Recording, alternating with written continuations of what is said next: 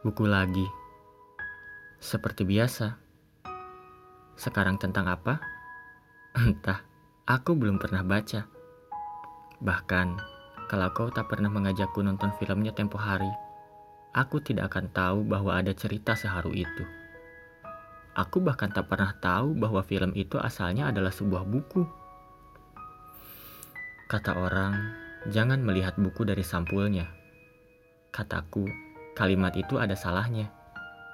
Buktinya, sekarang aku membeli buku bukan karena isinya, tapi karena judul yang tertera pada sampulnya. Iya, seperti berjudi. Aku menganggap buku itu bagus sehingga ia bisa kau genggam saat ini. Aku percaya orang yang memilih buku berdasarkan sampulnya tidak selalu bisa dikatakan salah. Proses itu selayaknya jatuh cinta pada pandangan pertama.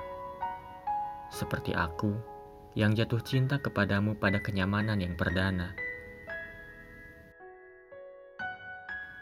Tapi sudahlah, kalimat sebelumnya pasti sering kau dengar. Harusnya memang tidak diulang-ulang, karena bisa jadi teramat membosankan.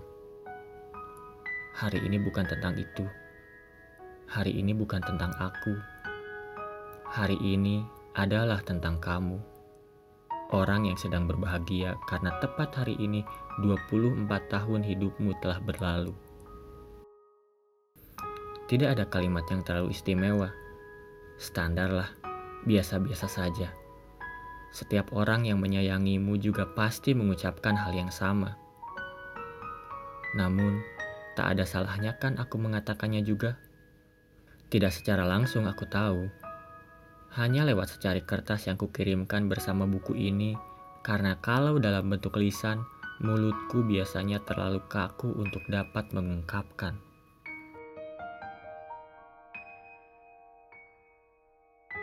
Jadi, melalui surat ini kuucapkan, selamat ulang tahun. Doaku standar saja lah ya.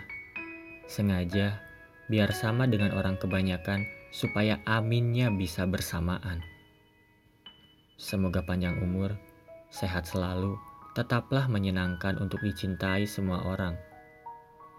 Tetaplah menjadi kamu, seorang wanita bermata sayu yang selalu memberi keteduhan. Amin.